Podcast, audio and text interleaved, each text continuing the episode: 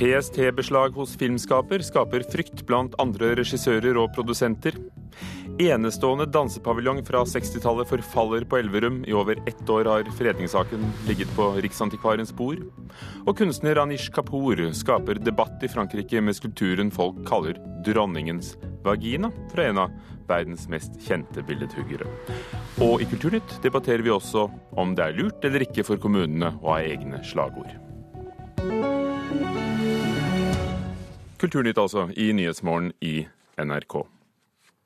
Politiets sikkerhetstjenestes, PSTs, beslag av filmopptak hos filmskaper Ulrik Imtias Rolfsen skaper stor usikkerhet blant norske filmskapere. Det sier direktøren i Virke Produsentforeningen. Vi ser at uh, Ulrik sjøl er redd for at uh, han skal miste materialet, og at han blir forfulgt. Vi ser òg at andre filmskapere og produsenter er redd for at det samme skal kunne skje med de. Det sier direktør i Virke produsentforening Torbjørn Urfjell. Og Dette er jo en praksis som eh, er med på å bygge ned den unike tilliten som er mellom myndigheter og folk og virksomheter i Norge. Og det kan vi ikke leve med i lengda. Det var mandagskveld at Politiets sikkerhetstjeneste gjennomførte en aksjon hos filmskaper Ulrik Imtias Rolfsen, der de beslagla en rekke filer fra hans kommende filmprosjekt. En dokumentar om Abdullah Hussein og islamistmiljøet i Norge. Etter det NRK kjenner til, skal beslagene ha sammenheng med at en 18 år gammel gutt ble pågrepet av PST på en flyplass i Sverige tidligere denne veka. Urfjell og Virke produsentforening reagerer sterkt på PST si framferd i saka. Når politiet er villig til å gå inn og beslaglegge upublisert materiale hos Ulrik Rolfsen, så sprer det frykt hos han, hos andre produsenter, hos kilder. Den frykten den er politiet ansvarlig for. og De har ikke klart å forklare seg godt nok, slik at den frykten forsvinner. Det er de nødt til å gjøre. og Klarer de ikke det, så må justisministeren sørge for at uh, vi ikke lenger tror at Norge kan bevege seg mot en politistat. Urfjell er heller ikke den eneste som ønsker seg bedre svar. For SV-nestleder Bård Vegar Solhjell ba i går justisministeren om å få PST til å komme med en begrunnelse for beslaget. I en e-post til NRK tirsdag kveld forklarer PST at de foretok et hastevedtak for å få tak i opptakene til filmskaperen. Det forelå videre et vesentlig hasteelement for å forhindre at det viktige beviset ble forspilt, skriver PST i e-posten.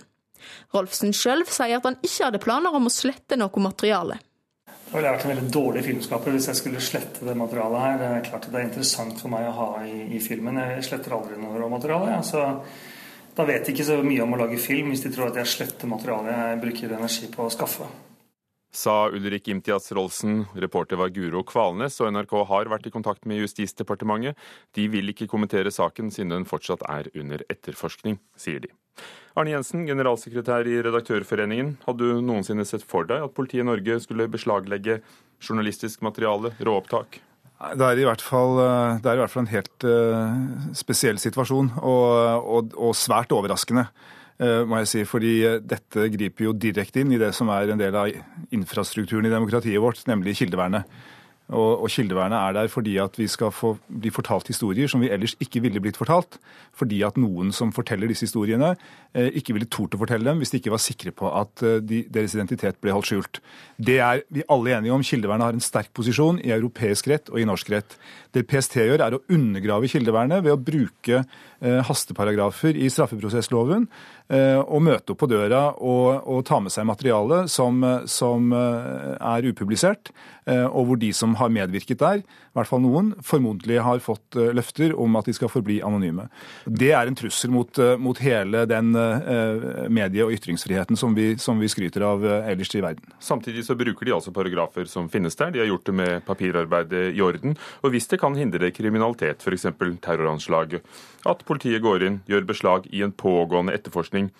Er ikke det nettopp noe av det vi må tåle i en rettsstat? Jeg er helt enig med representanten for Produsentforeningen at nå må PST komme opp med en meget, meget god forklaring eh, på hvorfor man har måttet gå til denne aksjonen. For det må i så fall, etter mitt syn, dreie seg om meget konkrete eh, trusler mot eh, liv og helse.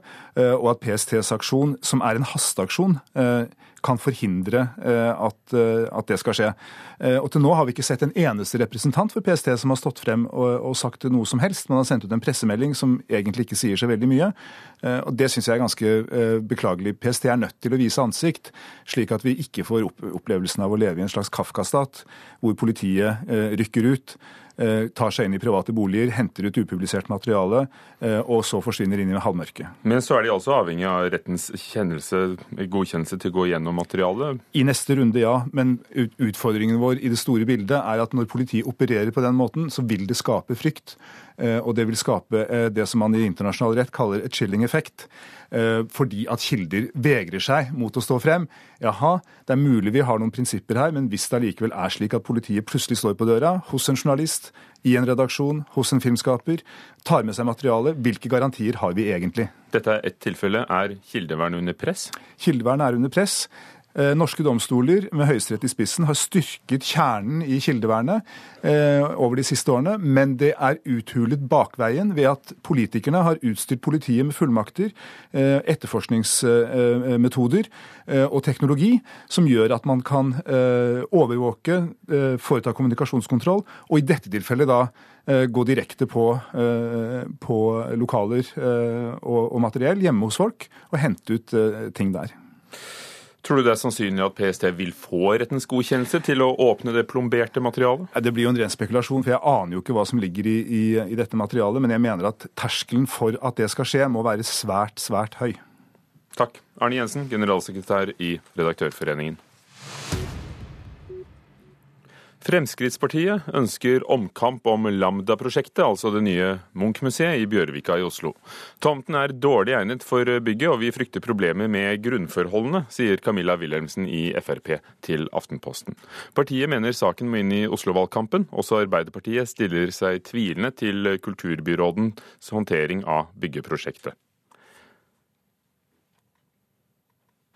Skipsted. Hmm. Der kom trudelutten. Vi skal ta med oss Schibsted selger den, selger den spanske utgaven av gratisavisen 20 minutter til det spanske medieselskapet Heraldo. Og Schibsted skriver i en pressemelding at de mener at dette vil bidra til å styrke avisens posisjon. Rundt halvparten av kommunene har egne slagord. Dvs. Si omtrent 200, ifølge NRK Dagsrevyen i går. Og det er dobbelt så mange som for åtte år siden. Da var det bare rundt 100, altså har de brukt mye tid og penger på dette. F.eks. Hobøl på kartet, Kjemen til Tynset så trivsen, Midt i blinken, det er Grane i Nordland, eller Kysten er klar. Ingebrigt Steen Jensen, reklamemann og tekstforfatter i Alle gutta. Er det en lur strategi? det er en strategi som det er veldig lett å latterliggjøre. Jeg har ikke sagt noen ting. Nei, du har ikke sagt noe, men eh, den, eh, det er jo ikke første gang dette er tema, og temaet er alltid hvor latterlig eh, alt sammen er. Og det handler jo om om man isolerer vurderingen til et slagord, eller om man gidder å interessere seg for hva man har gjort før man munnet ut i et slagord, blant veldig mye annet. For, for det som kjennetegner verdens beste virksomheter, ifølge Harvard Business School, er at de har funnet svar på hvorfor er vi her, hva står vi for, hvor skal vi hen? Og når en kommune kjører en sånn prosess, så gjør de akkurat det de skal gjøre. Finne svar på livets store spørsmål. Og så kan det munne ut i et slagord. Men jeg tror de aller færreste kommuner bare har satt seg ned og skrevet, drodla i vei med noen slagord. Eh, så man yter dem ikke rettferdighet når man bare isolerer vurderingen til slagordet. Carl Fredrik Tangen, samfunnsgeograf og høyskolelektor ved Oslo markedshøgskole. På Dagsrevyen i går brukte du det engelske ordet 'bullshit', altså tull. Um, jeg tror vel, altså, det, det, er jo morsomt å legge fram slagorda. Og det er påfallende f.eks. hvor like de er. Altså, samtidig som det er basert på en ideologi om at du skal liksom, finne det som er unikt ved deg, og så legge vekt um, på det. Men jeg tror også hvis du hadde gått inn i prosessene, så hadde du sett at det var noen vanskeligheter uh, der. Fordi at de skal liksom være så veldig kompromissprega. Så der folk møtes, skal finne ut hva er det vi kan bli enige om at kjennetegner oss. Og Det tror jeg er noe av grunnen til at du får litt sånne forplikt altså, sånne begreper uten forpliktelse. For eksempel. mangfold, f.eks. Og du får sånne motord som alle er enige i, altså innovasjon. Og så har folk liksom forplikta seg. Men så, og Hvis de da, de kommunalt ansatte for eksempel, er involvert i det, og så kommer noen og sier at ja, nå skal vi inn i arbeidstider i eldreomsorgen i kommunen vår. Nei, men det passer ikke, og vi må fore, det må passe sin familie og sånn. Nei, nei, for dere har jo sagt at dere er endringsvilje. Dere vil jo ha forandring her i kommunen. Altså, så folk de forplikter seg jo til noe uforpliktende, og så plutselig så kan de bli møtt, eh, altså, kan de bli konfrontert med det. Altså, Dette er bullshit. Hvis det er noe som er bullshit, så er det han akkurat sa nå, det reneste bullshit. Dette jo, har, har jo han helt sikkert dikta opp uten å undersøke i det hele tatt hvilke prosesser disse kommunene har vært igjennom. Det å bruke tid på å bestemme seg for hva man vil være, hvor man skal og hva man skal stå for, det gjør verdens beste virksomheter. Det er dritbra at norske kommuner gjør det, og så blir det for lettvint å sitte på et kontor på Markedshøgskolen og harselere over formuleringer uten å ane hva som ligger bak. Har du diktet? Nei, altså jeg har jobba i sånne prosesser sjøl også, jeg. Men noe av grunnen til at, uh, at de gjør det, er jo at de ser suksesser. Altså, se hva Bilbao har gjort, skal ikke vi få et museum Se hva Drammen har gjort! I, i, i, ja, se hva Drammen har gjort. Ja. Og, så, og, så, løper alle de andre kommunene etter. Og det er litt og jo, da, da, da, kopierer de jo oppskriften, istedenfor å finne men, det som er spesielt uh, det, med seg sjøl. Det er jo også bare en påstand. Ingebrigtsen Jensen, ja. dine er vel også bare påstander? Fordi Nei, det er altså, kanskje reelle forandringer i byen som spiller en rolle, og ja. ikke, ikke tre-fire ord på, på, et papir? Du, du skjønner uh, at det å bestemme seg for hvor man vil, øker sannsynligheten for at du kommer dit. Det å bestemme deg for hva du skal stå for, forenkler alle mulige prosesser. Det Det å definere eh, hva denne kommunen skal strekke seg etter, det må man gjøre. For ellers så, ellers så tar man en dag av gangen og teller opp til slutt. Og det er oppskriften på fiasko å gjøre det. Og, det, og Oslo har ikke noe sånt slagord, f.eks. Hovedstaden har ikke sånt slagord. Glem det slagordet. Det ikke, vi kan ikke bare diskutere det, for det men, er en løsrevet bit av hele greia. Det du ofte ser i sånne ord, det er jo hva kommunene sliter med. Altså, du, du ser liksom skammen. Små steder som prøver å være st store, f.eks. Altså sånn, når hob, ukjente steder så sier Hobbel Hobbel på kartet, istedenfor å si hva er det som skal få oss uh, på, på, kartet. Ja. Er det et lite sted med lite innbyggere, så sier de, så sier de her er det mulighet mulighetenes eh, kommune. Som om, som liksom den prosessen er det som magisk skal flytte dem et annet sted. Men her er vel kanskje Ingebrigt Jensens eh, poeng at det arbeidet frem dit kan likevel ha vært nyttig? Frem til Hobøl på kartet? Jeg, jeg, jeg syns jo at arbeidet må delvis uh, altså, vurderes etter, resulta etter resultatet sitt. Jeg syns ikke det er gærent å ville noe og jobbe sammen for det og finne ut at vi skal ha revolusjon eller vi skal ha markedsliberalisme overalt eller vi skal liksom få et næringsklynge her eller men det, det, de, Fordi det blir så uforpliktende, så tror jeg at disse prosessene du bare tar uh, oppmerksomhet vekk fra det kommunen skal drive med. Du, du, du, du Ingebrigtsen Jensen, du, du, arbeider jo nettopp med ja, å, å, å holde dette. på med sånne prosesser. Hva skal til for at det ikke er uforpliktende? For ja. det hender vel at det ikke blir så bra? Ja, det, det som ofte hender, er at man, man uh, bruker mye tid på prosessen, og så glemmer man å forankre den, og så, og så klarer man ikke å gjennomføre den. Det er en utfordring som alle vet, som alle kjenner til. Nøkkelen for å lykkes med dette er at man setter sammen en, en klokt sammensatt gruppe med folk fra kommune, fra næringsliv, fra frivillig liv, fra idrett og andre, som gjør dette sammen. Sånn at det blir noe som er eid av mange og skapt av mange, og som mange er forplikta til å, å bidra til. Og så uh, er det mange norske kommuner og byer som har lykkes med å uh, gjøre et sånt ideologisk arbeid. Jeg nevnte Drammen. Larvik er en fantastisk greie. Vindafjord, som er en eventyrkommune med seks milliardbedrifter i en kommune du aldri har hørt om, de veit akkurat hva de driver med. Og så blir de altså til slutt dømt nord og ned av Eh, overfladiske synsere i forhold til slagordet. Det er jo helt latterlig at Norsk Tipping har et slagord, da. Vi gir drømmen en sjanse. Latterlig, hva er det for noe? Men det er oppsummeringen av hvorfor Norsk Tipping finnes til. Men, men det Sten Jensen beskriver her, det er jo det kommuner driver med. Så kommuner ja. driver og diskuterer hva skal vi gjøre, hva skal vi være. Men kommuner er også evige krangler. Et av problemene i prosessene men, men, er at de skal finne løsningen. Det er ikke sånn. Altså, kommuner er demokratiske, organi demokratisk organisering av uenighet. Her fikk du tre eksempler på kommuner som har uh, tydeligvis lykkes nei, ja. men, også økonomisk, ifølge Ingebrigt Sten Jensen. Hvis det hadde vært tre eksempler, eller fem eksempler, eller 20 eksempler, så likevel så hadde vi hatt i dag alle de 200 som, som, gjør det. Så det kan hende at noen kommuner bør ha prosess, men det betyr ikke at de andre trenger og å ta etter. Og siden halvparten av Norges kommuner ikke har valgt å gjøre dette, har valgt å ikke gjøre det, så betyr det vel det, det, Mener hva, du at de jeg, jeg, jeg, ikke vet hvor de vil? Det er upløyd mark for konsulentene. Nei, nei for det de har valgt å ikke gjøre, er å lage et slagord.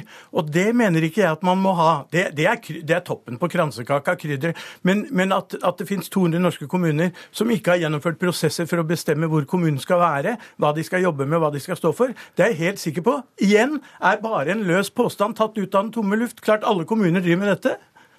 Og det er det kommuner gjør. Og det har vi, brukt 200 år på å finne ut hvordan du skal holde på med. Carl Fredrik Tangen fra Markedshøgskolen og Ingebrigtsen Jensen fra Alle gutta. Klokken er allerede blitt 18 minutter over åtte. Du hører på Nyhetsmorgen, hvor overskriften i dag er at ungdom velger kirurgi for å endre utseendet. Tusenvis er misfornøyd med hvordan de ser ut. Nedturen for Olje-Norge fortsetter, og det verste ligger foran oss. Kommende vinter kan 140 000 stå uten arbeid, spår NHO i ny rapport. Og 350 000 nordmenn skriver eller leser på mobiltelefon mens de kjører bil, viser ny undersøkelse. Det er trist å se at fars mesterverk forfaller mer og mer. Det sier Arne Vesterlid, som sikter til dansepaviljongen i Elverum. Fagfolk kaller den en, et nasjonalt klenodium, men spørsmålet om fredning har ligget hos Riksantikvaren i over ett år. Arkitekten Are Vesterlid fikk også treprisen for byggverket i 1962. Sønnen av Vesterlid mener vertskommunen burde engasjert seg mer for å ta vare på bygget. Jeg syns hele denne saken er veldig merkelig og trist. Stille, forlatt og preget av forfall ligger den der. Dansepaviljongen som på 60- og 70-tallet var det hotteste utestedet i byen. Sjøl ordføreren husker dansekveldene her. Jeg var her mye. Jeg var absolutt både på onsdager og søndager. Men nå ser verken han eller de andre politikerne i kommunen noen nytte i Are Vesterlis helt spesielle byggverk i betong og tre. For meg er det helt ubegripelig egentlig at man ikke har, ser potensial i det bygget. For det, det, er som sagt et, et bygg som kunne ha vært i bruk og til glede for alle i Elverum. Synes sønnen Arne Vesterli. Her oppe var restauranten. God beliggenhet. Eh, og kan tenke deg hvilken flott utsikt det var utover mot eh, Glomma her og god musikk trakk danseglade hedmarkinger, og gjorde Glåmdalsmuseets storsatsing på dansepaviljong og restaurant til en suksess.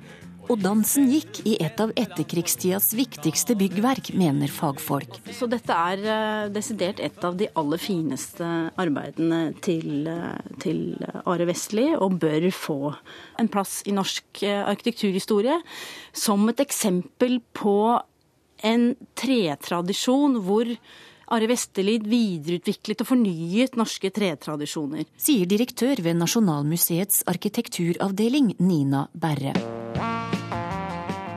Etter mye naboklager stilnet dansemusikken på 80-tallet. Etter tiår med forfall havna paviljongen som en fredningssak på Riksantikvarens bord. Der har den ligget i ett år, for museet vil rive. Det er derfor Vesterli mener gode ideer nå kan være avgjørende. Jeg skjønner godt Vesterlis uh, utgangspunkt, og det er klart at vi òg syns at dette er et uh, trist syn sånn som det er i dag. Men eh, det er jo tidens tann som på en måte har fått lov til å jobbe her, og det har vært vanskelig å finne etterbruk og fornuftig bruk av det. Svarer ordfører Erik Hanstad. Men, men igjen, altså, man, man, må jo kunne se på annen bruk enn at Ole Ivars kommer hver lørdag. Ordføreren mener tvert imot at de må vente med de gode ideene til Riksantikvaren har sagt sitt. Ja, for så vidt så, så gjør vi det. Altså, og det tror jeg vi skal ha litt respekt for. For eh, Først må det være mulig å se om det kan bli til noe, om det kan restaureres. Og så kommer vi på banen. Hos Riksantikvaren opplyses det at de er i dialog med museet, men at det er uvisst når saken får sin løsning. Og En god dialog, det, da, da tolker jeg det sånn som at her er det en løsning på gang i en eller annen form. Og det får vi håpe. Kritikken fra familien Vesterli får kommunen i brevs form denne uka. Utover det føler de seg maktesløse i kampen for farens mesterverk. Det er jo ikke stort vi kan gjøre, bortsett fra å skrive brev. Det er det, er det eneste familien kan gjøre, egentlig. Det sa Arne Vesterlid til vår reporter Torunn Myhre om dansepaviljongen på Elverum.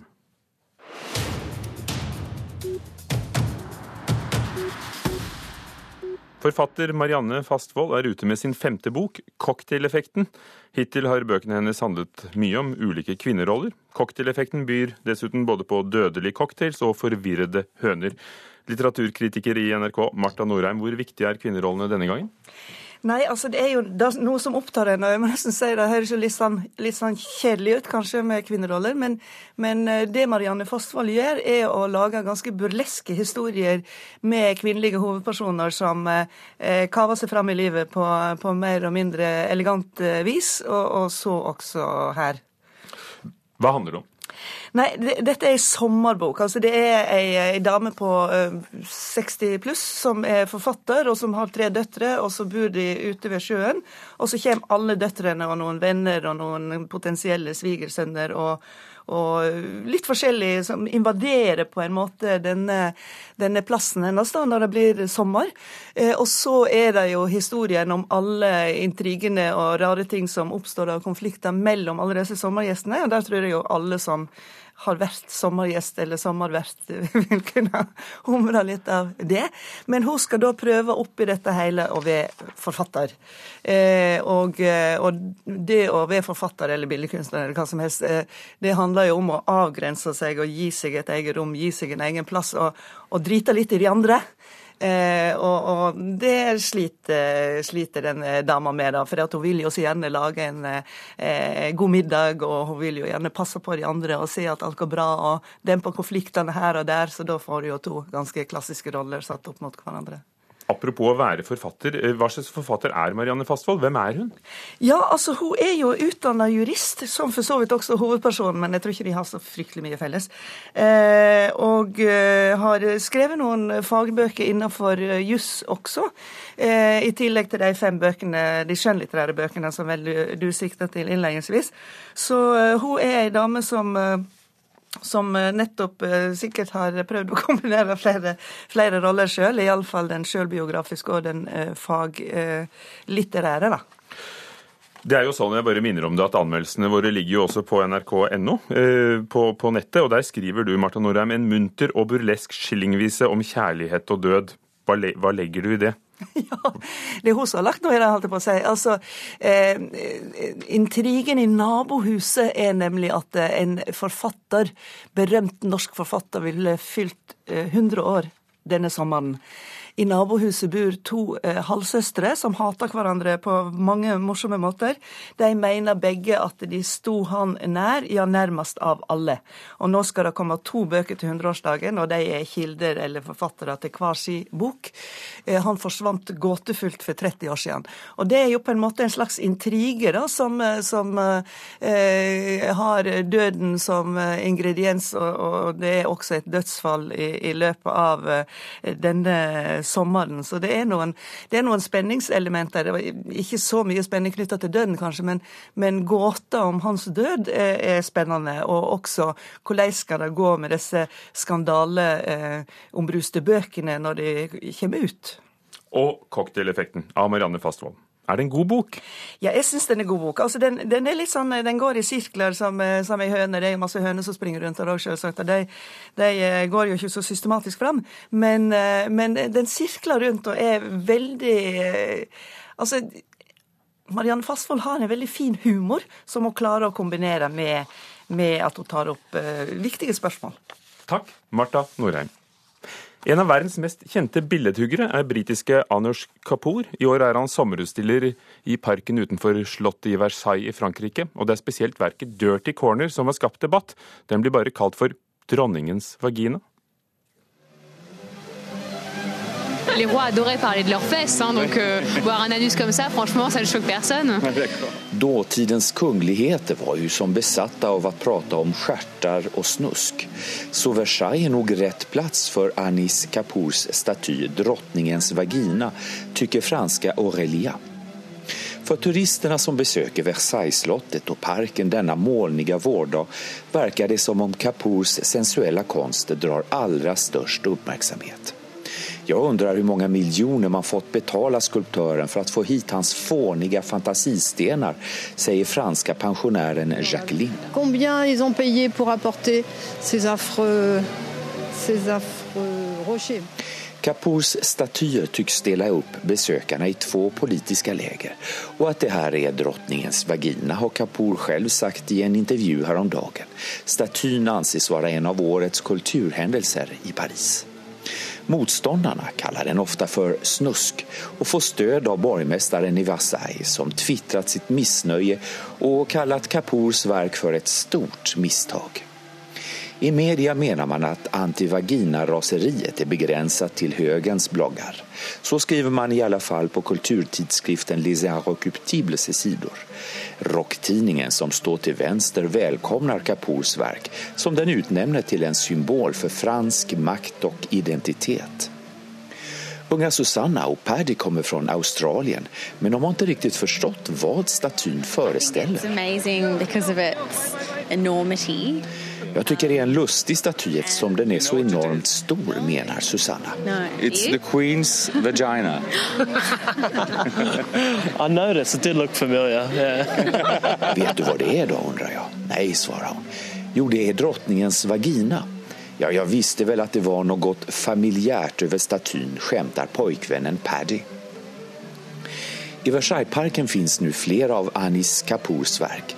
Descension, en voldsom vattenvirvel som snurrar mørkt og hotfullt i en spesialinstallasjon, ja, den har tidligere visats på Indiens første biennal for modern konst. Siden 2008 så er Versailles inne i en kulturrevolution som lett til mange heta debatter mellom høyren og venstre. Den tredje världsberömde utländske konstnären som provocerat eliten i den franske solkungens högborg er just Anis Kapoor. Det er en stor prestige å få holde en egen utstilling her, syns han. Og i tidningen Journal du Dimanche så takker Kapoor chefen for slottet for å ha vært modig nok å akseptere hans provokasjoner.